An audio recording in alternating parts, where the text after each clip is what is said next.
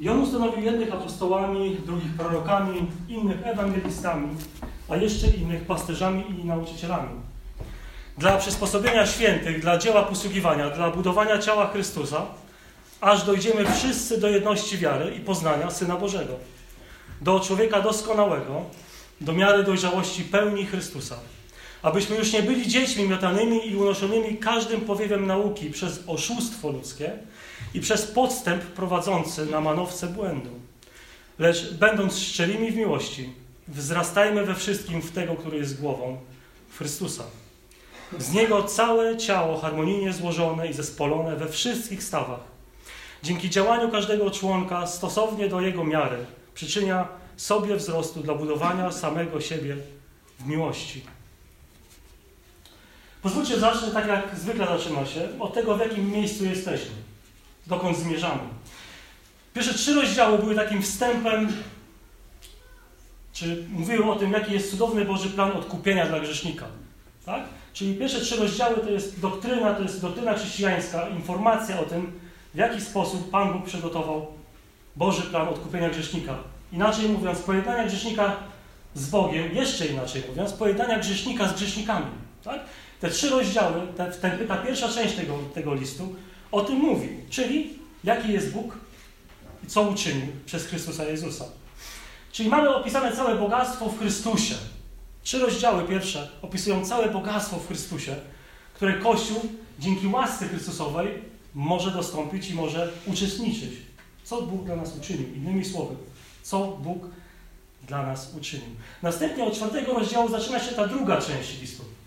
Ta praktyczna część. To, co zastosowanie tego, o czym dowiedzieliśmy się w pierwszych trzech rozdziałach. Jak Boża łaska wygląda w Twoim życiu, w moim życiu, w naszym życiu? W jaki sposób mamy żyć według tego, co Paweł nam zostawia w pierwszych trzech rozdziałach? Czyli rozdział 1 do 3, czym jest łaska?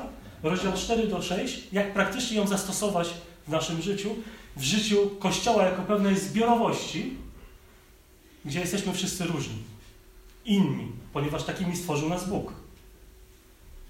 I takim kluczem tego drugiej, tej drugiej części tego listu, od czwartego rozdziału do końca, jest to właśnie nasze życie, życie codzienne, życie zborowe, te postępowania, te nasze myśli, te nasze uczynki, tak? te, nasze wyposażenie, te nasze wyposażenie, którymi zostaliśmy obdarowani przez Chrystusa. I to postępowanie musi być godne naszego powołania. Ono nie może być sprzeczne z naszym powołaniem, bo jeżeli zostaliśmy powołani przez Chrystusa do życia wiecznego, to i postępowania nasze zupełnie się zmienią. I zmienia się nie z naszej woli, ale zmienia się dzięki działaniu Ducha Świętego, którego, którym jesteśmy zapieczętowani na co? Na dzień odkupienia. Jesteśmy zapieczętowani do życia wiecznego, mówiąc tak ogólnie i w skrócie. Czyli punktem centralnym tych 16 wersetów, od 1 do 16, jest życie zbo, zbo, zboru, postępowanie zboru i jako indywidualności w tym, że wszyscy jesteśmy różni. Centralnym punktem tego życia właśnie jest ta praktyczna strona, czy wymiar Kościoła.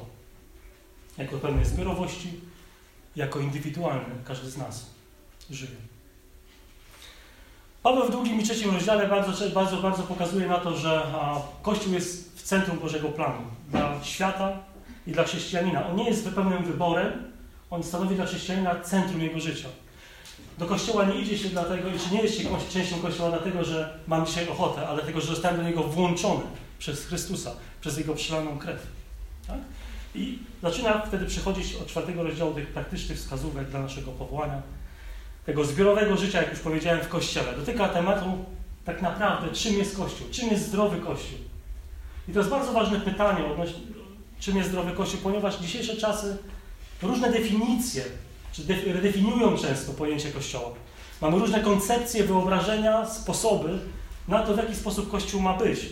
Ale Paweł w liście do Efezjan jasno, do, dogłębnie, precyzyjnie mówi nam o tym, jaki jest Boży plan dla Kościoła. I on jest stały i niezmienny. Tak jak odczytywali go wtedy Efezjanie, tak i dzisiaj my, musimy te same prawdy na nowo odczytać. Tak? Czym jest Kościół zdrowy? Jak wygląda zdrowy Kościół? Jak wygląda Kościół, który jest w centrum objawienia Bożego? Takie pytania chcę, żeby Wam utkwiły w głowie podczas tego, tego rozważania, tego fragmentu, tego dzisiejszego fragmentu od siódmego wersetu. Zauważcie, że Chrystus Jezus gdzie dzisiaj jest? Co czytamy w Bożym Słowie? Zmartwychwstał i wstąpił na niebiosa. Siedzi po prawicy Boga Ojca. Co ciekawe, swoje ciało zostawił na ziemi. Ręce, nogi, głowę, serce, to, to ciało, które nazwane jest Kościół, został na ziemi. On poszedł do góry. Jego ciało zostało na ziemi. Tak? I Paweł pragnie, aby właśnie ten Kościół, to ciało Chrystusa, werset 16, jeżeli sobie spojrzycie, było jakie? Spojone, zespolone przez wszystkie wzajemnie zasilające się stawy, czyli członki, czyli my, różnorodni, inni względem siebie, tak? zgodnie z przeznaczeniem, do którego zostaliśmy powołani, tak żeby działanie poszczególnego członka budowało i rosło siebie samego w miłości. Natomiast werset 13 odpowiada nam na pytanie, dlaczego tak ma być. Zwróćcie uwagę na werset 13. Aż dorośniemy do wymiarów pełni Chrystusowej. I to jest pragnienie Pawła dla Kościoła. Aż dorośniemy do wymiarów pełni Chrystusowej. I oto rodzi się pytanie. Czy jako wierzący ludzie, którzy z Chrystusem idą przez rok, 5, 10, 15, 30, mamy pić mleko? Czy przyjmować pokarm stały? Wierzę w to, że Pawłowi chodzi o to, że my mamy wzrastać właśnie do tego, aby przyjmować pokarm, pokarm stały, aby to ciało Chrystusowe w właściwy sposób było odżywiane i wydawało owoc. I Paweł wzywa w tych wersetach od 1 do 6 najpierw do jedności. Tak? To, co dwa tygodnie temu było powiedziane, że zdrowy Kościół musi być jednością. To jest kluczowe założenie dla Kościoła. Jeżeli Kościół byłby podzielony, to znaczy, że Królestwo Boże jest podzielone. To znaczy, że coś jest nie tak. Dlatego mówię o tej jedności w sześciu pierwszych wersetach dosyć wyraźnie. Zachowujcie jedność. Jedność jest kluczowa, aby Kościół był zdrowy, aby wzrastał pełni Chrystusowej, aby stawał się właśnie tym spojonym, związanym, związaną zbiorowością, która wydaje świadectwo, aby mógł, mógł e, właściwie funkcjonować, aby ciało mogło w miłości wzrastać i budować jedni drugich. Do tego jest po, po, potrzebna jedność. Ale Paweł też w tym fragmencie mówi, że jedność to nie jest coś, co możemy wytworzyć. Że jedność nie jest coś, czymś, co możemy opisać sobie na nowo. Paweł mówi, że ta jedność została dana z góry w sposób cudowny, nadprzyrodzony. Przez Ducha Świętego, którym, jesteśmy zapieczętowani. Tak? Paweł też mówi w tym, w tym fragmencie, że ta jedność nie jest za wszelką cenę, ponieważ nie może być za cenę prawdy. My nie szukamy jedności. My nie tworzymy jedności. Jedność została nam dana przez Ducha Świętego w Jezusie Chrystusie, kiedy nas uwolnił spod jarzma grzechu, kiedy nas wyzwolił spod brzemienia śmierci i przeznaczył do nowego życia, do życia wiecznego. Nasza jedność i społeczność z Chrystusem oznacza naszą jedność ze społecznością, czyli ze sobą nawzajem. Jaką masz jedność z Chrystusem, taką masz jedność względem siebie wzajemnie w Kościele. Ona, ta jedność w Kościele wynika z tego, czy doświadczyłeś jedności, którą Chrystus przez swojego ducha wlał w Twoje serce. Nie możemy mówić, że jesteśmy jedno z Bogiem, z Duchem Świętym, z Jezusem Chrystusem, kiedy między nami będą spory, kłótnie, szemrania itd., tak itd., tak ponieważ Duch Święty takich owoców nie wydaje, takich negatywnych owoców nie wydaje. I wydaje się, że kiedy patrzy się na historię Kościoła, chrześcijanie rozumieli od początku, tą jedność we właściwy sposób. Wiecie dlaczego oni rozumieli we właściwy sposób? Dlatego, że rozumieli to, co Chrystus zrobił na Golgocie dla mnie, dla was, dla nich. Oni dokładnie wiedzieli i rozumieli, na czym polegała śmierć Chrystusa Jezusa na krzyżu Golgoty. I tam była jedność ich. Uratowani od śmierci, uratowani od piekła, uratowani od potępienia. I w tym upatrywali swoją jedność, ponieważ Duch Święty automatycznie pieczętował ich, kiedy się narodzili na nowo. I tak już jak wspomniałem, Paweł nie wzywa do jedności na siłę albo kosztem prawdy, ale ta jedność została podarowana w Chrystusie i musimy tę jedność w właściwy sposób pielęgnować. Czyli te wersety od 1 do 6 mówią o zachowaniu jedności, tak? Tam mieliśmy takie słowa pokora, spokój, miłość, praca, czyli pewien wysiłek, który wkładamy Bo, I czwarty do szóstego wersetu mówi, ponieważ wszczepił nas w jeden, Duch Święty nas wszczepił i powołał do życia, wszczepił nas w jedno ciało, jeden Pan Jezus Chrystus, którego w panowanie zostaliście ochrzczeni, jeden Bóg Ojciec, który wprowadził nas w swoją rodzinę. To jest jedność, którą, która została nam dana przez Chrystusa. I o niej musimy pamiętać, żeby w właściwy sposób odnieść się teraz do, do tego tekstu dzisiejszego. O różnorodności. I Paweł robi ciekawy zabieg. Przechodzi od jedności do różnorodności. Siódmy werset wykorzystuje takie słowo a. A każdemu. W Grece można byłoby to przetłumaczyć troszeczkę inaczej. Z drugiej strony. A z drugiej strony. Tak? A z drugiej strony, chociaż jesteśmy jednością, ponieważ zostaliśmy wszczepieni w Boży Kościół i przypieczętowani Duchem Świętym, a z drugiej strony jesteśmy różni. Jesteśmy inni. Jesteśmy często do siebie w wielu kwestiach niepodobni. I Paweł pisze o indywidualnych częściach tego, tej, tej zbiorowości, tego kościoła. Więc jeżeli chodzi o. Pawłowi chodzi o, o jakby kwestię każdego z nas osobna. Każdego z nas osobna dotknęła łaska miaru daru Chrystusowego. I on potem opisuje, w jaki sposób to się odbywa. Czyli Paweł zwraca uwagę na to, że w Kościele jest miejsce w jedności na różnorodność. Możemy być inni, a zmierzać do tego samego celu. Możemy mieć inne obdarowania, a iść w tym samym kierunku. Zobaczcie werset siódmy. Każdy z nas otrzymuje dar łaski według miary, miary daru Chrystusowego. Tak? Każdy z nas otrzymuje dar łaski według miary daru Chrystusowego. I werset jedenasty. On rozdziela swoje dary i tutaj wymienia. Jednych czyni apostołami, innych prorokami, innych ewangelistami i innych pasterzami i nauczycielami. I werset 12 i 13 jakby puentuje, dlaczego tak się dzieje. A to wszystko, by budować ciało Chrystusa, werset 13, aż dojdziemy wszyscy do jedności wiary i poznania. Każdy z nas, zobaczcie co Paweł mówi, każdy z nas otrzymał dar od Chrystusa. Każdy z nas, każdy człowiek w Kościele, odrodzony z Ducha Świętego, otrzymuje dar od Jezusa. Innych ustanawiał apostołami i prorokami, innych ewangelistami, pasterzami, nauczycielami, a to wszystko po to, by ciało Chrystusa co robiło, budowało się, tak? I dlaczego miało się budować? Aby dojść do jedności wiary i do poznania. I Paweł uważa, że różnorodność czy inność w Kościele pomiędzy nami służy właśnie tej jedności, że my uzupełniamy siebie wzajemnie, gdzie Pan Bóg nas w właściwy sposób obdarowywuje darami, które w Kościele mogą funkcjonować i służyć jedni drugim. List do Filipem bardzo ładnie o tym mówi, drugi rozdział, szczególnie, też wrócimy za chwilę może do tego.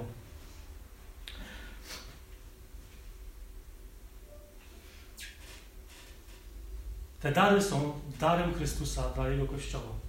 Dary są darem Jezusa Chrystusa dla Jego Kościoła.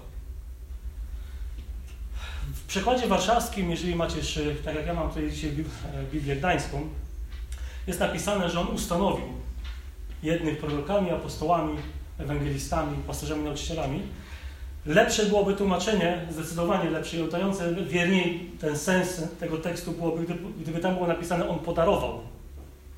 On podarował apostołów, On podarował proroków, On, czyli Chrystus, podarował ewangelistów i On podarował pasterzy i nauczycieli.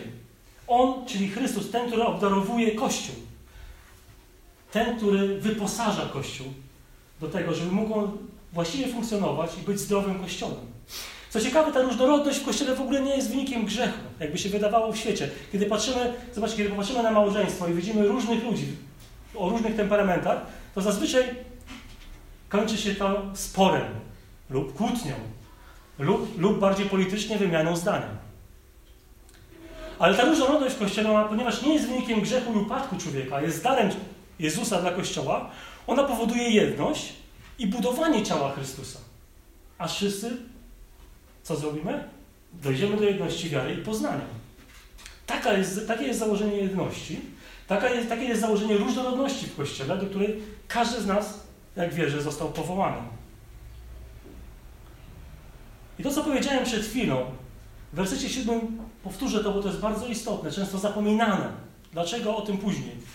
Każda osoba została obdarowana w Kościele, odrodzona osoba, zrodzona z Ducha Świętego, która się upamiętała, wyznała swoje grzechy, pokutowała i wyznała, że Chrystus jest jej Panem i Zbawicielem. Została obdarowana darem Ducha Świętego. Pierwszy list do Koryntian, 12 rozdział, bardzo dużo tych darów wymienia, nie będziemy dzisiaj o tym mówić, ale tam jest pokazana pewna lista, jak bogaty jest ten, który hojnie rozdaje, według własnego postanowienia. On jest tym, który daje. My nie możemy wyprosić daru. My nie możemy pójść do sklepu, kupić sobie tego daru. To ten, który wyposaża Kościół, w pełni daje według własnej woli, według własnej suwerennej woli, każdemu konkretny dar. Ale to co ważne, każdy ten dar w Kościele otrzymuje. Każdy jeden. I następnie widzimy werset ósmy. Zwróćcie na niego uwagę. Jest takim wtrąceniem dziwnym. Masz wrażenie, czy ja przynajmniej miałem wrażenie, mam takie wrażenie, że to jest coś nie, coś tam nie zgrzyta, coś jest nie po kolei. Paweł robi taki celowy zabieg, bo chce zwrócić naszą uwagę na Chrystusa. Chce przyjrzeć się bardziej Jezusowi Chrystusowi. W tym ósmym wersecie cytuję Psalm 68, mamy to w odnośnikach naszych Biblii, 19 werset. I tam jest opisany obraz generała, czy wodza, czy króla, czy jakiegoś mocarza, który wraca z bitwy, jest wielki pochód, wszyscy go witają w mieście, bo on podbił pewną, pewną grupę ludzi, czy pewne miasto, ma łupy, ma jeńców i ludzie go witają w różny sposób. Nie wiem, czy widzieliście, jak antyczny obraz wygląda, e, przedstawia wkraczanie pochodu zwycięskiego wojska. Tam są i kwiaty, i fanfary, i jest niesamowite to. I przyglądają się temu ludzie. I za chwilę o tym dalej powiemy. Po co Paweł robi to wtrącenie tutaj i dlaczego obraz tego właśnie generała próbuje nam przedstawić jako tego, na którego mamy patrzeć jako na Chrystusa triumfatora, zwycięzcę. W wersetach 9 i 10, zwróćcie swoją uwagę w tekst, mamy ten, ten, ten, ten fragment o wywyższaniu i uniżaniu. Tak? Jest bezpośrednio związany. Zobaczcie, że ten tekst nie jest przypadkowy. Czy Jezus był człowiekiem wcześniej? Nie. On był wywyższony, był w postaci boskiej. Był Bogiem. Musiał się uniżyć. Czytamy, stał się sługą, czyli stał się człowiekiem. Stał się podobny do nas, z wyjątkiem grzechu. Był posłuszny woli Ojca, aż do śmierci, do śmierci krzyżowej, tak? I to jest właśnie mowa w tym, w tym 9-10 e, wersecie, właśnie jest o tym mowa, że on musiał zejść z wysokości, ale on nadal jest Bogiem. I on tam wstąpił. I on tam siedzi po prawicy. I oto ten, który tam, który tam był, który stąpił i który wstąpił, oto ten, Paweł mówi, jest tym, który obdarowuje swój Kościół. Bóg Wszechmogący, Stwórca wszystkiego, dla którego i przez którego wszystko zostało stworzone. Wyjście do Filipian, jak będziecie, to jest kilka, dwie, trzy kartki dalej, jakbyście sobie otworzyli i zobaczyli, tak okiem rzucili na drugi rozdział. Tam jest kontynuacja, Paweł tą samą myśl ma odnośnie jedności, różnorodności, odnośnie sporów. Dokładnie ten sam opisuje tam obraz, co w dzisiejszym tekście kazany. Jaki ma być zdrowy Kościół? W czwartym rozdziale Filipian tam są dwie kobiety, które się sprzeczają i Paweł mówi, ale nie tacy macie być. A wcześniej w drugim rozdziale mówi, macie być jednomyślni, bo do tego zostaliście powołani. Bo takie jest wasze powołanie, ponieważ Jezus z Ojcem jest jednomyślny. A to jest ten sam duch, którym zostaliśmy zapieczętowani. Miejmy wgląd na siebie nawzajem, krzyczy Paweł, tak? Miejmy wgląd na siebie nawzajem, postępujmy w pokorze, w łagodności. Czytamy, będąc takiego samego usposobienia, jakie jest w Chrystusie Jezusie. Czyli dotyka dokładnie w liście do Filipian Paweł tej samej myśli, co w liście do Efezjan, który dzisiaj rozważamy. Jezus to wszystko zrobił dla naszego zbawienia, Jego zwycięstwo pozwoliło nam, pozwoliło na to, że może nas obdarowywać tymi darami. Wyposażać nas do tego, że jesteśmy, czy mamy możliwość bycia, czy budowania zdrowego kościoła. kościoła tak? I to jest o tyle ważne, że my jesteśmy młodym, młodą społecznością. Z różnych miejsc przyszliśmy. Mamy różne, często poglądy, różnie byliśmy kształtowani teologicznie. Mamy swoje przemyślenia, Możemy się co do niektórych spraw nie zgadzać ze sobą, ale to nie jest ważne, nie jest ważna kwestia, czy ja mam rację, czy ty masz rację. Ważne jest to, co Boże Słowo mówi, co jest prawdą w nim zapisane. I dzisiaj próbujemy to, tą prawdę odkrywać. W wersecie 11 Paweł powraca do myśli pierwotnej, do siódmego wersetu. Tak jak mówiłem, będziemy troszeczkę skakać. I kończy tą dygresję właśnie, kim jest Jezus, tak? Przy, przytaczając ten psalm 68. I tam czytamy, że obdarował jednych jako apostołów, proroków, innych jako, ewangelistów, innych jako pasterzy nauczycieli. Jest tu pewien taki ciąg myślowy e, i pewna ciągłość, którą Paweł chce do zboru efeskiego powiedzieć. Wierzę też, że dzisiaj do nas, ponieważ Boże Słowo się od tamtej pory nie zmieniło nie ma innego planu na, na budowanie Bożego Kościoła.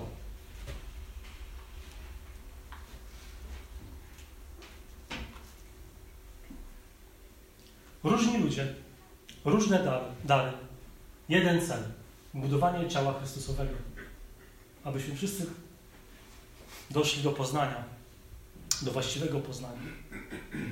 I zjednoczeni jakby w tym celu mamy budować Boży Kościół, aby był zdrowy. I teraz przyjrzyjmy się temu wersetowi ósmemu. Psalm 68, 19 werset, można sobie otworzyć. Bardzo ważne, żeby do tego obrazu wrócić, zobaczyć, co tutaj Paweł czyni, tą, tą dygresję małą na temat tego, kim Jezus jest. Jaki On jest. Kto obdarza tymi darami Kościół Boży. Tak jak już powiedziałem, mamy tutaj antyczny obraz wodza, który wraca z bitwy. Jest wielka procesja, pochód. Pięknie przystrojony. Podejrzewam też, że piękna muzyka. Idzie wojsko za swoim wodzem. Idą jeńcy, którzy niosą zdobycze. I to wojsko idzie pośród ludzi, którzy tam witają zwycięskiego króla. I to wojsko rozdaje łupy tym wszystkim mieszkańcom tego miasta, którzy przyszli przywitać króla. Taki obraz Paweł maluje, powołując się na ten psalm 68. Taki obraz Paweł maluje Jezusa jako tego, który pokonał śmierć, pokonał szatana, pokonał grzech. Zniszczył to, co nas ciemiężyło, co nam przeszkadzało co nas zniewalało, zdeptał to swoimi stopami. I oto ten triumfator, ten zwycięzca daje Kościołowi wszystko, co potrzebuje Kościół do zdrowego życia. Wyobraźcie sobie to? Oto ten, który pokonał wszystko i wszystkich. Wszelkie władze, zwierzchności, wszelki grzech, szatana. Oto ten, zasiadający po prawicy Ojca, rozdaje Kościołowi dary, którymi chce, aby ten Kościół wzrastał. Dlaczego Paweł robi tą dygresję? Dlatego, że nie chce, aby Efezjanie, nie chce, abyśmy my dzisiaj mieli obraz Chrystusa jako ukrzyżowanego, jako pobitego, jako upokorzonego, on nie chce, żebyśmy takiego, taki obraz mieli Jezusa Chrystusa, bo nasz Pan i Zbawiciel nie jest upokorzony, nie jest pobity, On nie przegrał. On wygrał wszystko. I Paweł chce, żebyśmy taki obraz Jezusa odrzuconego odrzucili z naszych głów, a mieli Jezusa zwycięskiego, tego triumfatora, który, któremu są wszystkie rzeczy na tym świecie i wszyscy ludzie, i wszelkie zwierzchności na niebie i na ziemi, całkowicie poddane. Ponieważ to zupełnie inaczej nacechuje nas do życia z Jezusem Chrystusem, jako tego, który nas wyposaża codziennie do życia. Czy życie w Efezie, czy ten zbór w Efezie miał proste życie? Czy on miał proste życie? Czy ci zborownicy w Efezie mieli proste życie? Efes nie był przyjaznym miejscem do życia. Zastanówcie się teraz nad tym, w jakim mieście mieszkacie. Czy to miasto jest dla was przyjemnym miastem do życia, jako dla wierzących, odrodzonych ludzi? Czy ten świat jest waszym przyjacielem? Śpiewamy taką starą pieśń, już dawno nam nie była śpiewana, świat nie jest domem mym. Jam tu przechodnie nie jest, tak? My w niebie są, nie w tej dolinie łez. Tą perspektywę Paweł ma, pisząc ten list do, do zboru w Efezie. Perspektywę niebiańską. I z tej perspektywy chcę, żebyśmy patrzyli na relacje między sobą. Na relacje z Chrystusem przede wszystkim. Ale też na, na to, w jaki sposób budujemy Kościół Jezusa Chrystusa.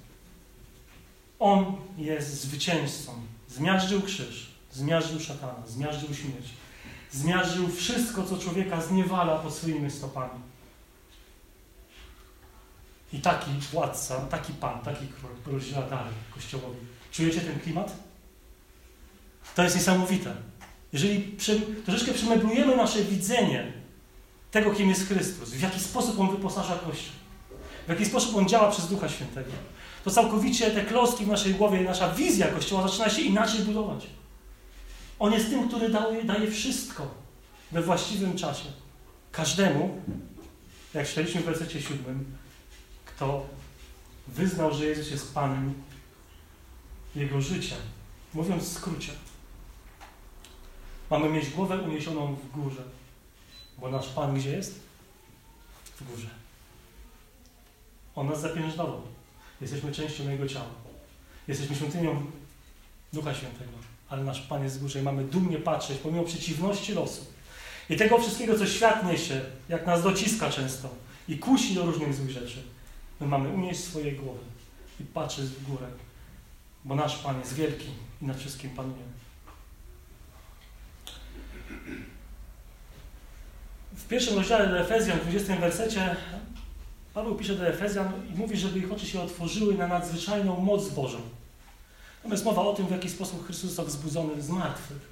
Na taką moc mamy się ukierunkować. Na niczym nieograniczoną, potężną. Tą moc okazał w Chrystusie, gdy go wzbudził i zasiadł po prawicy swojej nad wszelką ziemską władzą, zwierzchnościami i mocą i panowaniem i wszelkim imieniem, jakie może być wymienione nie tylko w tym wieku, ale i w przyszłym. I wszystko poddał pod Jego nogi, a Jego samego ustanowił ponad wszystkim, głową Kościoła. Oto nasz Pan i Zbawiciel. Oto nasz Pan i Król, triumfujący, miażdżący, zwycięzca, zwycięzca obraz niepokonanego Króla. Taki obraz nie wiem jak was, ale we mnie rodzi nadzieję. Ożywia mnie na nowo. Że to nie jest przypadkowy król. To nie jest przypadkowy władca, który ma humor jednego dnia taki, a drugiego dnia ma zupełnie inny. Jego słowo jest stałe, czytamy. On jest, ma niezmienne słowo.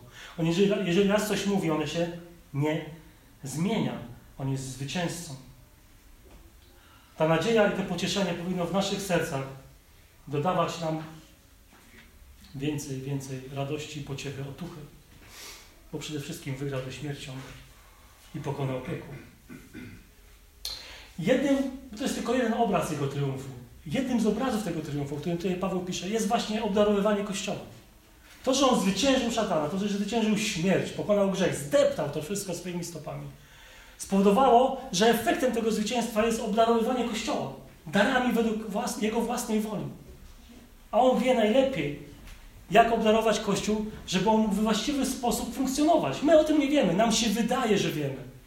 Ale nam się tylko wydaje dlatego, że przez grzech my wszystko zniekształcamy. A on jest bez grzechu. Jego wybory są doskonałe. I tak naprawdę, kiedy czytamy tutaj o tym, że jednych w Kościele obdarował do bycia apostołami, prorokami, ewangelistami, pasażami, nauczycielami, to mamy tutaj dwie kategorie darów. I pewnie to, co powiem, może niektórzy odrzucą, a może niektórzy przyjmą. Mam nadzieję, mam nadzieję, że przyjmą tą interpretację, bo nie chcę powiedzieć, że wydaje mi się ona, jestem pewien co do tego, że ona jest biblijna. Yy... Mamy pierwszą kategorię apostołów i proroków, czyli tych, na których Paweł powołuje się wcześniej, nie pierwszy raz mówi o apostołach i prorokach. I drugą kategorię mamy ewangelistów, pasterzy i nauczycieli. Apostołowie i prorocy nazwani są często tymi a, jako, jako dary fundamentalne, czy dary objawiające, tak można by powiedzieć. Czyli jest to grupa darów fundamentalnych. Efezjan 2.20, jak otworzymy, na fundamencie apostołów i proroków co zostało założone? Kościół, fundament Kościoła, tak? gdzie kamieniem węgielnym jest Chrystus. Czyli przez ten dar apostołów i proroków mamy założone podwaliny naszej wiary. To, o czym chociażby czytamy w rozdziale od 1 do 3, ale też i 4 i 6.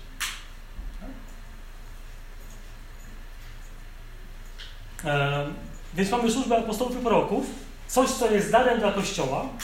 Jest to dar fundamentalny, ponieważ objawia, tam pewne prawdy dla Kościoła. I mamy dzięki temu cały Nowy Testament. Wszystkie prawdy, które dla Kościoła są zapisane, zapisane są w Nowym Testamencie. Jaki Kościół ma być, jak ma żyć. Ogólnie rzecz ujmując, taka miała być funkcja apostołów i proroków. To była funkcja bardzo weryfikowana. Drugi rozdział listu do Hebrajczyków chociażby o tym mówi, że oni weryfikowani byli przez znaki i cuda, czyli ich apostolstwo i proroctwo było weryfikowane, czyli sprawdzane przez znaki i cuda, które im towarzyszyły, kiedy oni zwiastowali. Zwiastowali Słowo Boże. I to jest niesamowite. I to jest to nowy rozdział, rozdział można powiedzieć, w historii odkupienia człowieka. Dar apostolstwa i proroka. I teraz ważne. Ten, te dwa dary przeminęły. One nie istnieją dzisiaj w Kościele. Dlaczego? 2.20. Paweł odpowiada. Ponieważ fundament został założony. I kamień węgielny został wbity w ten fundament. I na tym fundamencie Kościół wzrasta. Nie ma innego objawienia. Nie ma innej prawdy. Wszystko, co miało być, zostało przekazane przez apostołów i proroków. I to jest niezwykły Boży dar Chrystusa, dla Kościoła. Eee, gdyby go nie było, byśmy byli spekulantami, byśmy szukali rozwiązań właściwych, albo byśmy wyobrażali sobie, w jaki sposób Kościół ma wyglądać, czego ma nauczać, jaka ma być teologia, doktryna, w co mamy wierzyć, jak interpretować Ojca, jak, jak go zrozumieć, czy Syna, czy Ducha Świętego. Ale to wszystko dzięki apostołom i prorokom zostało nam dane i wyjaśnione. I to jest niesamowita podwalina, którą Chrystus położył właśnie przez dar apostołów i proroków i zostawił dla Kościoła. Um, dalej mamy ewangelistów i pasterzy. I to są dary nauczające. Ewangeliści, pasterze, nauczyciele, dary nauczające. One występują do dnia dzisiejszego w Kościele i będą występować tak długo, aż Kościół będzie będzie na tej ziemi funkcjonował. I to jest wielki dar dla Kościoła, kiedy Chrystus ustanawia jednych ewangelistami, a drugich pasterzami i nauczycielami. Tutaj taka wzmianka, w zależności też od tłumaczenia, różnie interpretują ten, te dary. Niektórzy widzą dwa dary, niektórzy widzą trzy dary. Jak się sprawdzi dokładnie w Grece, w gramatyce, tutaj jest mowa o dwóch darach. Jest o ewangelistach i to jest jasne i klarowne. I o pasterzach, nauczycielach. Tutaj próbujemy niektórzy rozbijać to, natomiast tam dokładnie można to przetłumaczyć jako pasterze którzy nauczają. Albo pasterze nauczający. Czyli ich funkcją, tą pasterską funkcją było nauczanie, prowadzenie ludzi, ludzi wierzących już w Słowie Bożym. I mamy oto dwie grupy darów. Fundamentalne, niepodlegające zmianie, założone raz na zawsze. I te, które do dzisiaj trwają, ewangelizacyjne, ewangelista pasterz i nauczyciel. I Chrystus ten dar, tak jak powiedziałem, daje stale dla Kościoła.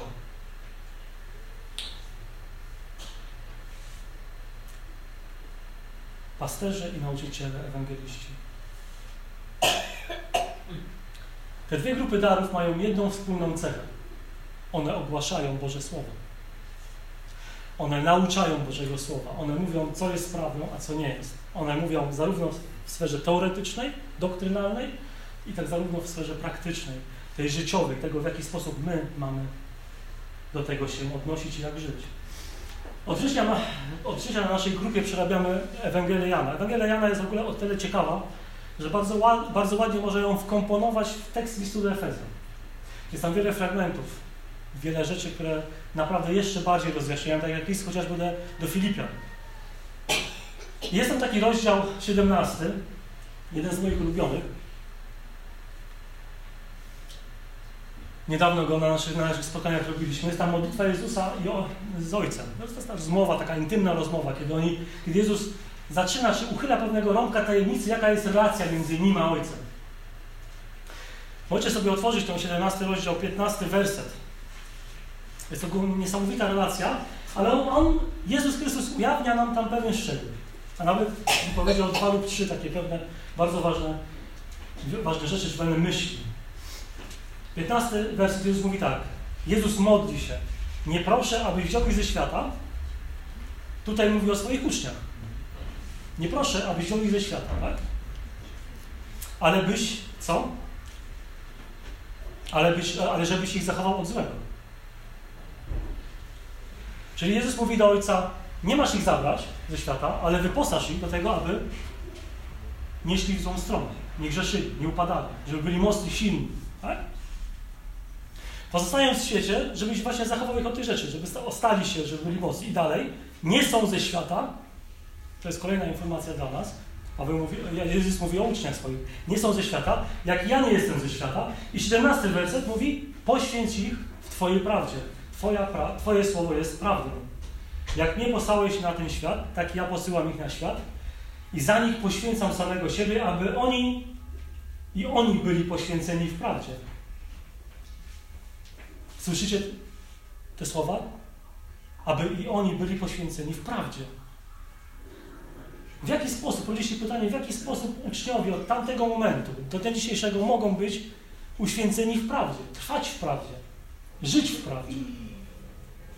No właśnie działaniu Ducha Świętego, działaniu woli Ojca, Syna i Ducha Świętego. To On nas wyposaża w to, że my jesteśmy w stanie być silni, jesteśmy w stanie nie porzucić swojej wiary, jesteśmy w stanie nawet nie grzeszyć. I to nie z naszej woli, ale z Jego. I wydaje się, że czwarty rozdział właśnie odpowiada też na to pytanie, w jaki sposób można takie życie prowadzić, aby być silnym, mocnym. Właśnie kiedy jesteśmy wyposażeni, obdarowani we właściwy sposób do tego, by być silnym w Chrystusie Jezusie. Obdarowani do nauczania. Od momentu położenia fundamentu, po ostatni dzień życia Kościoła. To jest esencja życia Kościoła. To jest cel życia Kościoła. Trwanie w prawdzie. Bo Jezus mówi o sobie, że jest drogą, prawdą i życiem. Nie ma innej drogi, nie ma innej prawdy. I poza Chrystusem nie ma życia. Można byłoby powiedzieć, że nie ma ważniejszej służby w Kościele niż nauczanie. Ona jest najważniejsza dlaczego? Dlatego, że ona wywołuje skutek w wierzących ludzi, u wierzących ludzi. Jest centrum Bożego objawienia dla Kościoła, ale to nie jest jedyna ważna służba. One wszystkie tak naprawdę są ważne. Ta jest wyjątkowa, ponieważ przygotowuje świętych do czego? Do posługiwania. Prawda uświęca, jak Jezus się modlił, uświęć ich w prawdzie. Słowo Twoje jest prawdą. Czy kocham prawdę? Czy kocham Boże Słowo? Czy jest to tylko takie wypowiedzenie słów, bo inni wypowiadają te słowa? Bo głupio jest powiedzieć, że nie kocham tego słowa, bo inni mówią, że kocham. Skoro jestem w tym czy innym miejscu, kiedy część ludzi wyznaje, że kocha to słowo. Kochać słowo to kochać Chrystusa. Żyć słowem to żyć Chrystusem.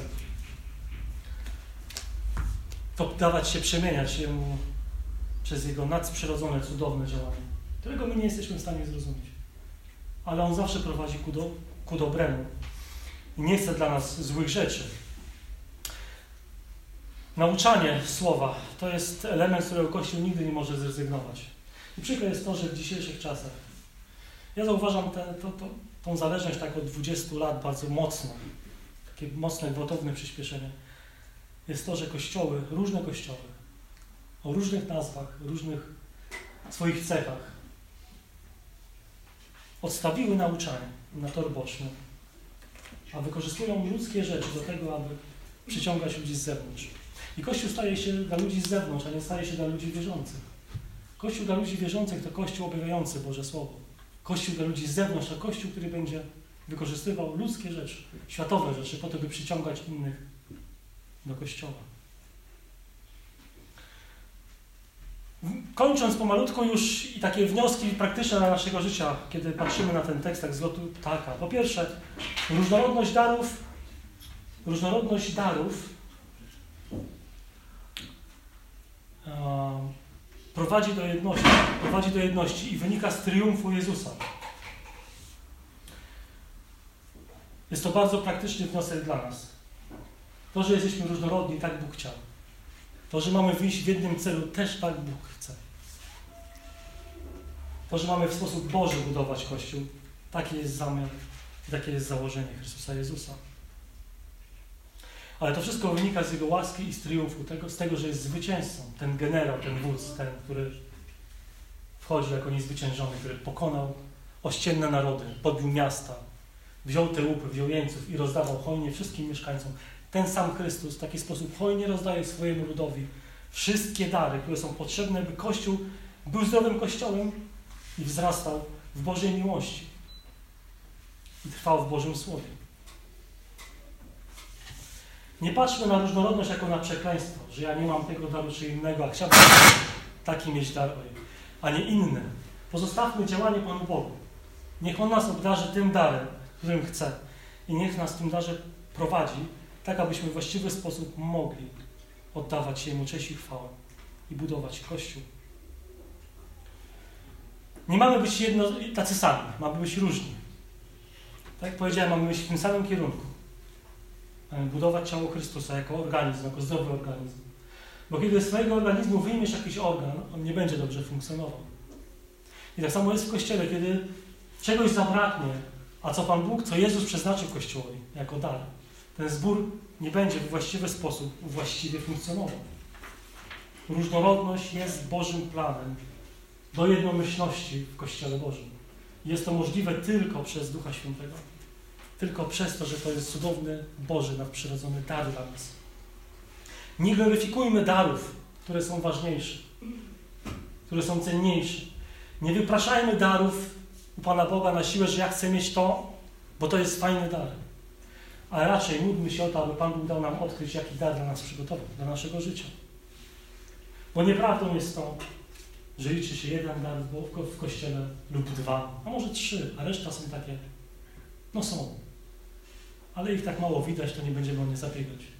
Każdy dar z Bożego nadania jest istotny i ważny do budowania zdrowego Kościoła. W Kościele nie ma ławkowiczów. Jeżeli jesteś odrodzonym człowiekiem z ducha i z wody, uwierzyłeś Chrystusowi, pokutowałeś, pokutowałaś, to to, co czytaliśmy w wersecie siódmym, zostałaś, zostałeś obdarowany darem, który musisz odkryć, by służyć w Kościele, aby chwała Jezusa Chrystusa mogła iść na ten świat i być widoczna. W taki sposób Bóg manifestuje swoją chwałę. Przez Kościół. Ale kiedy Kościół jest jednomyślny w jednorożności i wykorzystuje wszystkie obdarowania, które Bóg udziela ludziom w Kościele, nie po swojemu, nie indywidualnie, egocentrycznie, ale jako pełna zbiorowość, którą Pan Bóg w danym miejscu uczynił. Jeżeli masz problemy z tym, że ten czy inny dar jest ważniejszy dla Ciebie, to chcę, żebyś dzisiaj się pomodlił takimi oto słowami. Dziękuję Ci, Panie, że oto takim mnie stworzyłeś. I pozwól mi odkryć na nowo, czy po raz może pierwszy, to, co mi dałeś, abym mógł być częścią Twojego ciała i służyć w właściwy sposób. Na Twoją chwałę, nie na moją chwałę. Nie na chwałę zboru baptystów w Bydgoszczy, ale na chwałę Jezusa Chrystusa. Bo tylko Jemu należy się chwała i cześć. W Kościele to, co wynika ze siódmego wersetu i co Paweł też bardzo mocno między wierszami chce nam pokazać, mówi, czy jest taki wydźwięk też e, z drugiej strony, mówi, mówi w ten sposób, że w Kościele nie ma osoby, która nie ma daru. Jeżeli nie masz, to znaczy, że go nie odkryłeś. A jeżeli go nie masz, to może jest coś nie tak. I warto byłoby zastanowić się i zadać sobie pytanie, w jakim miejscu jestem. I kolejny wniosek taki praktyczny. W tej różnorodności nie ma chaosu. W tej różnorodności nie ma anarchii. W tej, nie, w tej różnorodności nie ma nieporządku. W świecie różnorodność powoduje zamieszanie. Kłótnie, tak jak powiedziałem, spory. Każdy ma swoją prawdę, każdy ma swoją ścieżkę, swoją drogę, swoje rozwiązania. A ta różnorodność dana przez Chrystusa dla Kościoła powoduje jednomyślność co do wyznawanych praw biblijnych, co do obdarowania i wspólnego funkcjonowania jako Kościół. To jest niesamowite. Kiedy człowiek, kiedy człowiek jest chrześcijanin, kiedy ja na nowo pewne rzeczy odkrywam, a nie jest to prosty tekst, który dzisiaj omawiamy. On budzi wiele kontrowersji w Kościołach dzisiaj.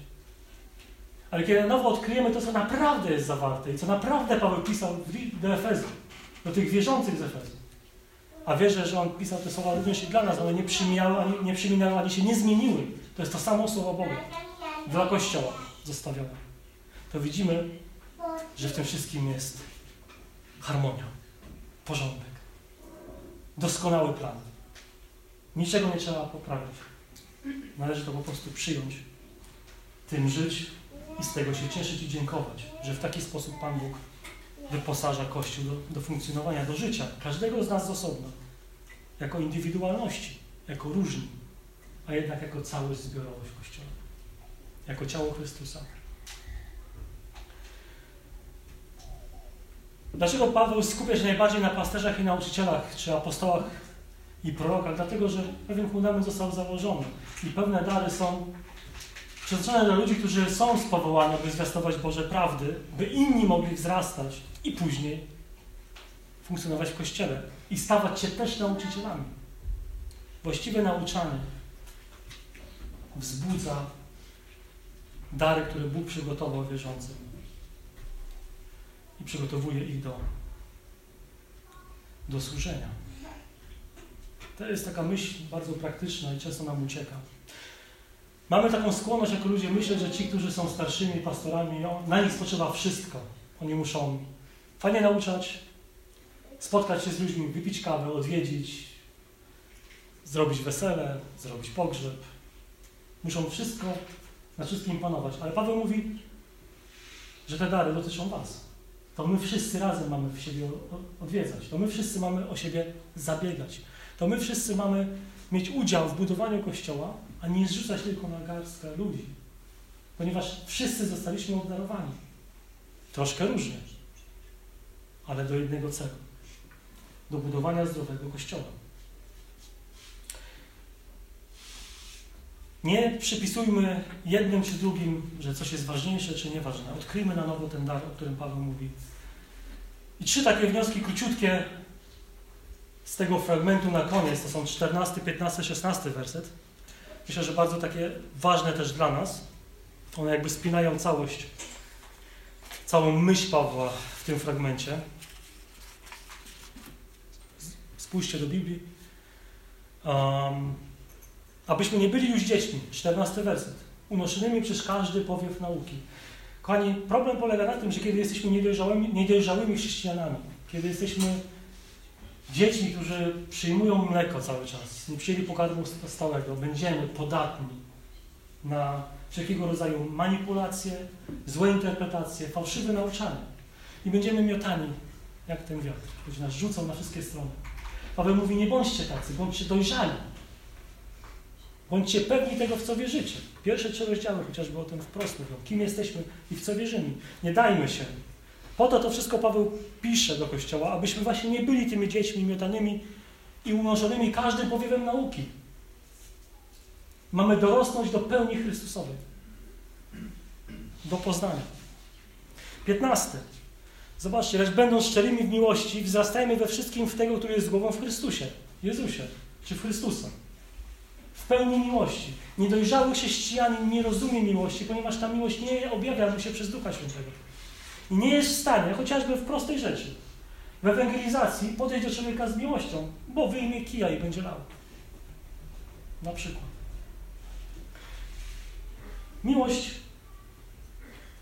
niedojrzała to chrześcijanin, który no po części jest taki troszeczkę martwy. A ta, I ta miłość bardziej jest sentymentem, pewnym wspomnieniem lub taką wyjątkowością mówi o sobie, jestem wyjątkowy, bo jestem w tym miejscu, a ty jesteś w innym. Chrześcijanin ma stać się dojrzałym przez Boże Słowo. Ma stać się posłuszny woli Bożej, Chrystusowi w każdej sferze swojego życia. Kiedy stąd wyjdziemy dzisiaj, kiedy już weźmiemy sobie te dobre ciastka, dobrą kawę, porozmawiamy ze sobą, My nie przestajemy, nie powinniśmy, no przynajmniej zakładam, że nikt z nas nie przestanie być chrześcijaninem. Taką mam nadzieję. Chociaż różne utrapienia nami miotają, przechodzimy przez różne e, trudności w naszym życiu, to nadal wierzę w to, że jesteśmy ludźmi wierzącymi, odrodzonymi z Ducha Świętego. Ale to, co Paweł nam chce powiedzieć na sam koniec, w 16 wersecie. Zobaczcie, z niego całe ciało harmonijnie złożone i zespolone we wszystkich stawach dzięki działaniu każdego członka stosownie do jego miary przyczynia sobie wzrostu dla budowania samego siebie w miłości, tego ciała Chrystusowego. Paweł, Paweł chce nam powiedzieć, jeżeli myślisz, że jesteś w stanie cokolwiek z siebie wziąć, jesteś w ogromnym błędzie. Wszystko, co dostajesz, dostajesz od Niego, z Niego, z Chrystusa, przez Chrystusa, dzięki Chrystusowi. Możesz być dojrzałym chrześcijaninem, możesz dojrzewać, wzrastać w wierze, Paweł mówi. Możesz być dorosłym w wierze. I ważne dla nas jest to, że nie, to, nie pochodzi to z dobrych uczynków, z naszych starań, lecz jest to wynikiem głowy, a głową Kościoła jest Jezus Chrystus. Amen.